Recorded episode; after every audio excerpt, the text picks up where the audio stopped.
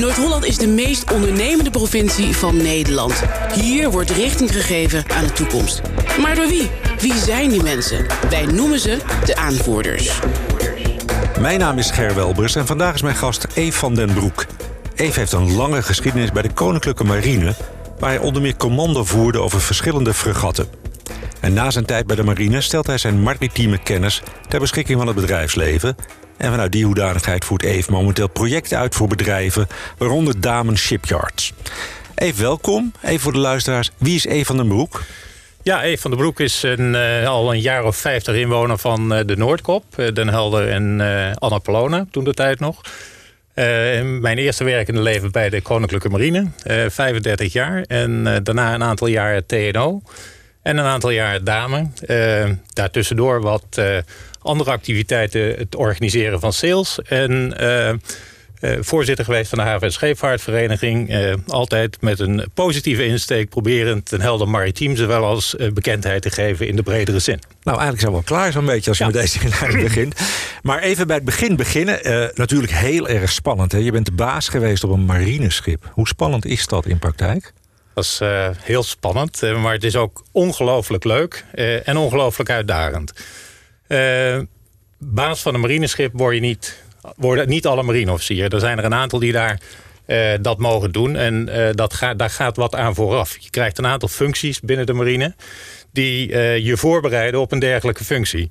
Want je kunt je voorstellen als je met 180 mannen en vrouwen... een half jaar onderweg gaat... dat je niet alleen je taken moet uitvoeren... dat kunnen ernstige operaties zijn... zoals in de Perzische Golf of in, de, in Joegoslavië... Maar dat kunnen ook politionele acties zijn. Uh, het Caribisch gebied, druk uh, politionele acties. Uh, maar je bent ook ambassadeur van je land. Je doet vlagvertoon in verschillende landen. waar je havens bezoekt. Maar je bent ook verantwoordelijk voor die 180 mannen en vrouwen... voor wat betreft veiligheid. je bent vader, moeder, burgemeester, politieman. want er gebeurt wel eens wat. En dat moet je dan ook oplossen. in die zes maanden dat je weggaat. En niet onbelangrijk, je bent verantwoordelijk voor eh, de stemming aan boord. Ja, ja, ja. Hoe oefen je daar invloed op uit? Uh, door uh, positieve uitstraling. Ja. Door het programma wat het schip uitvoert altijd gevarieerd te maken. de havenbezoeken leuk te maken. en daar kun je invloed op uitoefenen. Eigenlijk een beetje een excursieleider ook af en toe. Nou, het is niet zozeer excursie, want het is redelijk gereguleerd. Maar uh, je kunt wel eh, zorgen dat de programma's die er zijn voor de uh, bemanning... dat die leuk zijn. Ja, 35 jaar marine heb je erop zitten. Wat heb jij in die 35 jaar zien veranderen bij de marine? Heel veel, heel veel. Uh, als jonge jongen binnenkomend, uh, dan zie je een, een vrij gestructureerde organisatie... die vrij hiërarchisch ook georganiseerd is... Uh, maar waar je op jonge leeftijd uh, vrij veel verantwoordelijkheden hebt. Uh, tot de jaren 80, eind jaren 80, was dat eigenlijk een heel uniek bedrijf. Met unieke taken, wat unieke mensen vraagt. Maar er hoort ook unieke regelgeving bij. nou, nauwelijks was de muur gevallen of de politieke leiding die ging het vredesdividend innen. Ja. Dat betekende dat er vanaf de jaar, eind jaren 80, begin jaren 90 enorme bezuinigingen zijn doorgevoerd. 25 eh, jaar lang.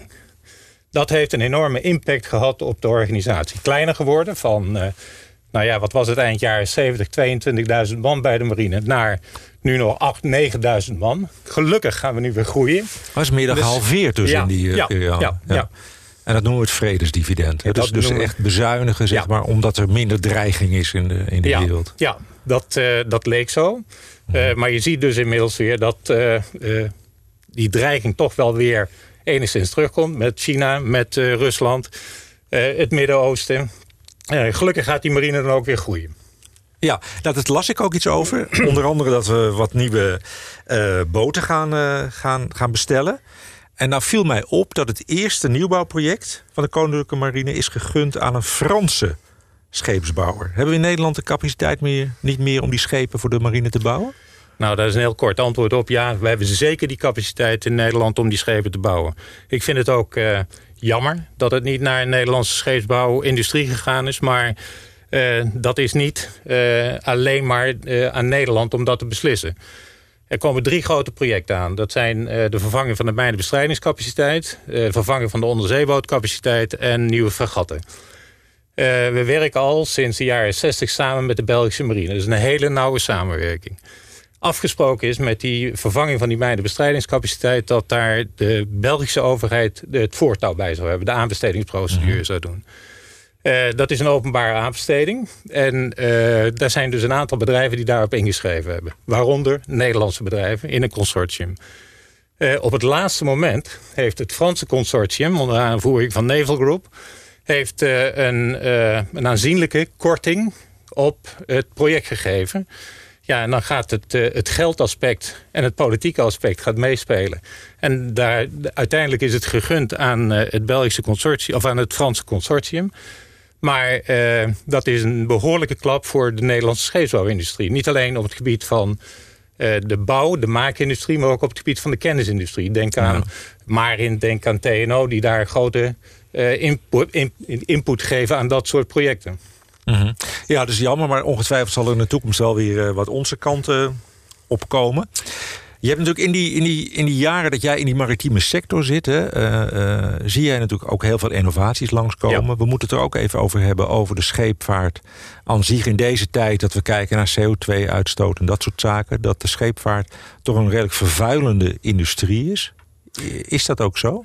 Ja, het is een van de vervuilende industrieën. Hoewel uh, de scheepvaart niet in de top 10 van vervuilende industrieën staat in de wereld. Uh, dat is zeker niet het geval. Dan uh, zou je kunnen denken aan andere industrieën, looierijen, ja. dat soort, dat soort clubs. Maar het is zeker zo dat de uitstoot van giftige stoffen in de scheepvaartindustrie een ding is wat, wat aandacht behoeft. Dat krijgt ook, krijgt ook aandacht. We hebben natuurlijk organisaties in, in de maritieme wereld... zoals de International Maritime Organization, maar er zijn er meerdere...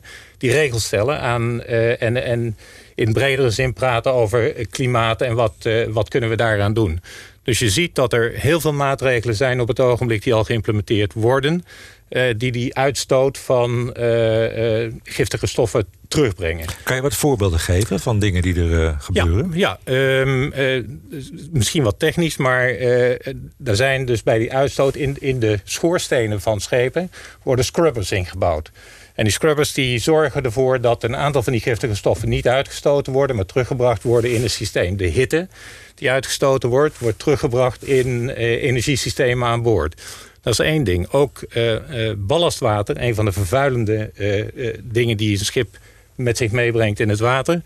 daar zijn hele behandelingssystemen nu die zorgen dat er minder vervuiling in het water optreedt. Dus daar gebeurt heel veel. Daarnaast zie je dat brandstoffen ook schoner beginnen te worden. We hebben nu uh, al GTL. Uh, in Den Helder heb je daar een mooi voorbeeld van. Er komen twee schepen steeds binnen. Wat, wat is GTL? GTL zijn toevoegingen aan, uh, aan, aan brandstof. Okay. Dus die, de biologische om het schoner te maken. Dus daar minder uitstoot door te, te krijgen. Nou ja, en naar de toekomst gaan we natuurlijk naar misschien wel elektrisch varen, misschien wel waterstof. Maar dat zijn nog ontwikkelingen die redelijk in, in de, de, kinderschoenen, kinderschoenen staan. Ja. Ik, ik zat ook te denken, uh, zonnepanelen. Als je nou, zo'n boot zit natuurlijk de hele dag op zee. Uh, zouden zonnepanelen kunnen helpen om uh, het brandstofverbruik te beïnvloeden? Niet zozeer het brandstofverbruik, niet zozeer de voortstuwingsinstallatie... maar je zou kunnen denken aan de energievoorziening aan boord. Uh, dus huishoudelijke systemen die je aan boord gebruikt... Die, uh, die zouden daar zeker op kunnen draaien. Dat zie je ook al op jachten, uh, zie je dat toegepast. Uh, dus daar zie je zeker toepassingen, maar dat zijn eigenlijk kleinschalige toepassingen. Oké, okay, dat is nog niet zo, nee. zo ontwikkeld nee. dat je zegt... dat kan ook de aandrijving van een schip gaan ja. uh, verzorgen. Nee. nee, dat heb je wel, uh, maar misschien is dat een stap vooruit. Je hebt wel ehm, ontwikkelingen die gebruik maken van wind. Ehm, SkySails is zo'n Duits bedrijf die dat, die dat doet. Ehm, eigenlijk met een soortement van vlieger... die vooruit, het, het schip vooruit trekt, laat ik het zo maar zeggen. Maar uh, dat is een besparing van maximaal 10 tot 15 procent op je brandstofverbruik. Dat zal nooit een zelfstandige voortstuwing kunnen uh, genereren. Dan heb je ook een andere, dat zijn flatner rotors. Dat zijn hele grote palen die aan boord uh, ronddraaien. Ook, en die, die genereren dus ook door de wind energie. En helpen in die zin ook uh, een stukje voortstuwing. Ondersteuning ja, ja. van voortstuwing. Ja, maar alles bij elkaar kan dat dan toch wel in ieder geval een verschil maken. Hè? Ook al is het nog niet volledig. Uh, absoluut. Ja. Nou zien we een andere sector die enorm groeit qua omvang. En dat is de cruise sector. Um, ik heb het ook recent gedaan. En je ziet aan alles dat die industrie enorm groeiende is. Maar um, is die sector ook te verduurzamen? Um, ja, ik denk het wel. Um, en daar wordt ook zeker aandacht aan gegeven. Uh, je moet je voorstellen, cruisen, dat, uh, dat kent vele gradaties. Dat kent uh, een klein scheepje met 6 tot 12 gasten aan boord. Maar dat kent ook die hele grote hotelschepen... waar 6000 gasten met ja. 1500 man bedienend personeel aan boord zitten. Juist die schepen die, die genereren enorm veel afval.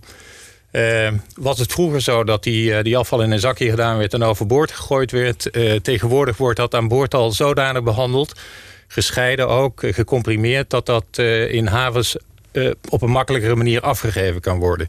Dus in die zin wordt er echt wel wat aan gedaan. Ook de wasserijen aan boord gebruiken milieuvriendelijke middelen. Uh, dus er zijn heel veel maatregelen die aan boord van dit soort schepen al geïmplementeerd worden. Om te zorgen dat de vervuiling die die schepen veroorzaken, dat die verminderd wordt. Daarnaast ook de, en heel veel havens stellen eisen aan, aan, aan dit soort schepen voordat ze in een haven toegelaten worden. Wat voor eisen bijvoorbeeld? Op het gebied van milieu bedoel je? Op het gebied van milieu. Ja. Dus het is niet meer zo van ik kom binnen en ik zet een container aan de wal en dan donder ik alles in. Nee, het is gescheiden, gecomprimeerd, uh, allerlei soorten vormen van, van afval die gescheiden afgevoerd moeten worden. Ook het, het grijswater, het zwartwater moet allemaal op een aparte manier afgevoerd worden. Ja, nou is dat de cruise sector. Je ziet ook die vrachtschepen. Het vervoer over het water wordt ook steeds belangrijker. Die ja. vrachtschepen worden ook steeds groter. Hè? Ja. Wat is op dit moment uh, daar in de ontwikkeling? Um, nou, je ziet met name uh, sinds de jaren 60, 70 uh, is er een, een, een, meneer geweest die heeft de container uitgevonden. Ja. En dat is een enorm goede uitvinding geweest. Dus je ziet dat uh, heel veel drooglaadingsschepen, uh, heel veel middelen, spullen worden via containers vervoerd. Dus die containerschepen die hebben een enorme vlucht genomen sinds de jaren 70. Uh, er is er onlangs eentje in Rotterdam binnengekomen. 24.000 containers die aan boord zijn. En dat is een schip van 400 meter lang, 62 meter breed... en een diepgang van maximaal 20 meter. Nou, dat is, dat is gigantisch. Dat zijn zo'n grote schepen. Uh, wat brengt dat met zich mee? Dat betekent dat er een haven op aangepast moet worden. Voor wat ja. betreft, kunnen die schepen wel binnenkomen? Kunnen ze voor de kant komen? Kunnen ze gelost worden? Maar een ander probleem, bijkomend probleem is... Uh, die containers die moeten afgevoerd worden naar een, een klant ja. uiteindelijk. En dat, ja. dat, betekent dus ook dat de infrastructuur, spoor, weg, rail... Uh, dat moet allemaal ingericht worden op dat soort schepen. En daar liggen er al inmiddels op de, op de tekentafel die nog groter worden. Nou, daar zit natuurlijk ergens zit daar een, een grens aan. Mm -hmm. en wat je nu ook wel ziet is dat er een aantal hubs zijn in de wereld waar deze grote schepen hun, uh, hun containers lossen... die vervolgens uh, door kleinere schepen naar uh, een aantal havens toegebracht worden. Dat heet dan short sea shipping. Oh ja, ja, ja, ja, ja. ja logisch. Hè? Dus er zijn echt veel ontwikkelingen in die, in die industrie. We hebben het over cruisen gehad, over de, de, de scheepvaart voor de vrachtvervoer. Wat zie jij als grootste uitdaging voor de maritieme sector in de komende jaren?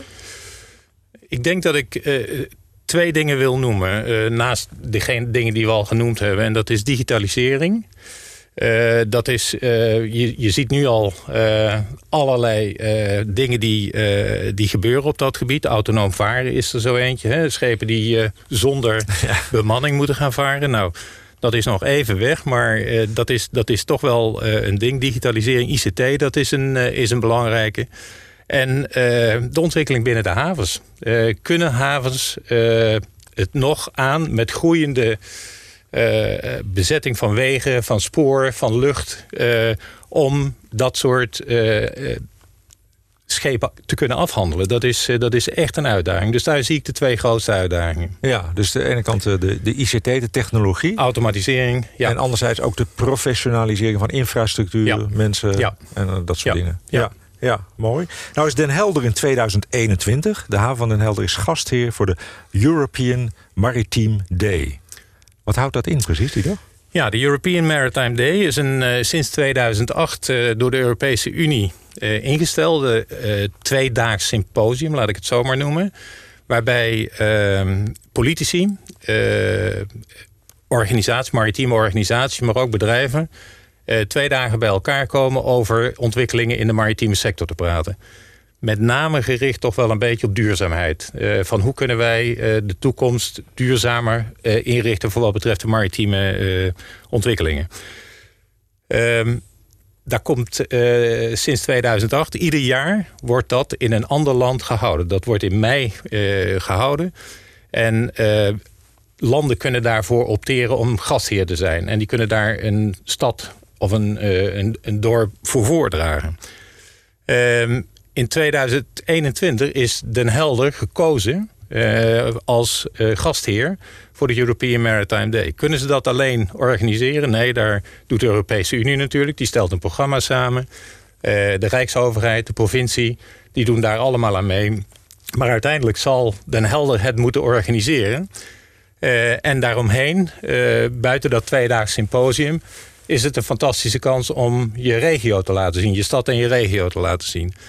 Uh, dat vraagt aardig wat voorbereiding en aardig wat uh, invulling. En je kent Den Helder. Ja. Uh, misschien iets te weinig hotelaccommodatie op niveau. Iets, iets, nou. om die 600 tot 800 mensen die dan verwacht worden om die te kunnen accommoderen. maar ook de activiteiten eromheen. Daar heb je niet alleen de overheden voor nodig, daar heb je het bedrijfsleven voor nodig. Daar heb je organisatorisch vermogen voor nodig. Dus dat is best nog een uitdaging, zo'n uh, anderhalf jaar, ruim anderhalf jaar voor dit evenement. Ga jij er een rol in spelen? Uh, nee, ik ga daar geen rol in spelen. Want jij bent uh, uiteindelijk ook directeur geweest van Sail Den Helder in 2017. Ja. Alweer twee jaar geleden. Dus eigenlijk zijn die, die activiteiten toch wel redelijk te vergelijken. Uh, voor een deel wel. Ja. Ehm, er zitten heel veel aspecten aan die daarmee gelijkvormig zijn. Uh, in 2008 en in 2017 uh, ben ik betrokken geweest bij het organiseren van den Helder. Uh, samen met de Marinedagen overigens. een uniek evenement in de ja. provincie. 400.000 bezoekers. Zo'n beetje. Ja. En daar ben je drie jaar mee bezig om, om, om dat voor te bereiden en om dat in de benen te zetten. En dat is dan een vierdaags evenement er zijn heel veel gelijkvormigheden. Als je praat over vergunningen, als je praat over vrijwilligers... als je praat over vervoer, als je praat over veiligheid... dat soort zaken, die zijn allemaal hetzelfde. Dan heb ik het nog niet over het programma wat je Ja, maar maken. vandaar mijn logische vraag ook. Ja, en daar is ook heel veel geld voor nodig. Uh, ja. Dus misschien moeten daar ook wel sponsoren bij komen... vanuit het uh, bedrijfsleven en een betrokkenheid vanuit het bedrijfsleven. Daar zien we op het ogenblik nog weinig van. Dat, uh, maar uh, ongetwijfeld is de gemeente en de provincie zijn daar druk mee bezig. Oké. En dan is het natuurlijk de haven Den Helder, zeg je. Daar vindt het plaats. Haven Den Helder ligt natuurlijk vlak bij de haven Amsterdam. twee havens zo dicht bij elkaar. Sneeuwt Den Helder voor jouw gevoel wel een beetje onder... onder wat er in de metropoolregio Amsterdam gebeurt? Of zeg je nee, die kop van Noord-Holland krijgt voldoende aandacht? Nou, ik vind, ik vind persoonlijk dat de provincie uh, voldoende aandacht geeft aan de, aan de kop van Noord-Holland. Uh, maar als je de kop van Noord-Holland moet vergelijken met de metropoolregio Amsterdam... dan is het natuurlijk niet meer dan logisch dat die veel meer aandacht krijgt. Veel meer bekendheid, veel meer activiteiten. Uh, als ik alleen al kijk naar de, de sluis die daar nu aangelegd wordt... Uh, hoeveel geld dat kost, die wordt niet zomaar aangelegd. Die wordt niet aangelegd omdat we... De Nieuwe Zeesluis bedoel De? Nieuwe Zeesluis. Ja, omdat ja. we dus men wil daar uh, grotere activiteiten, maritieme activiteiten. Nou, IJmuiden, Amsterdam, uh, Beverwijk, niet te vergeten. Dat zijn allemaal havenplaatsen die nou, hemelsbreed zo'n 30 kilometer van, van Den Helder af liggen. Als je daar de infrastructuur op die manier aanpakt... Ja, dan moet je je afvragen of... Uh, of wij in Den Helder dat allemaal wel zouden kunnen wat we zouden willen. De ambitie is hoog. Uh, de aandacht die we krijgen is ook goed. Maar uh, ik denk dat je niet op zo'n korte afstand van elkaar dezelfde activiteiten moet nemen. Ik neem alleen al het voorbeeld Vlissingen, Rotterdam, Amsterdam, Eemshaven en dan Hamburg, Bremen en zijn wel veel havens. Er zijn hè? wel erg veel havens op een ja. vrij korte afstand van elkaar... die allemaal dezelfde ambitie hebben. Groeien en een deel van de energietransitie met zich uh, naar, naar binnen slepen. Nou ja, even uh, ontzettend bedankt voor dat je ons erbij gepraat hebt vanmiddag. Uh, en ik wil je graag uitnodigen om over niet al te lange tijd weer even langs te komen. Want dan praten we bij waar we dan staan met elkaar. Voor nu bedankt en tot ziens. Dit was De Aanvoerders, een podcastserie van NH Media.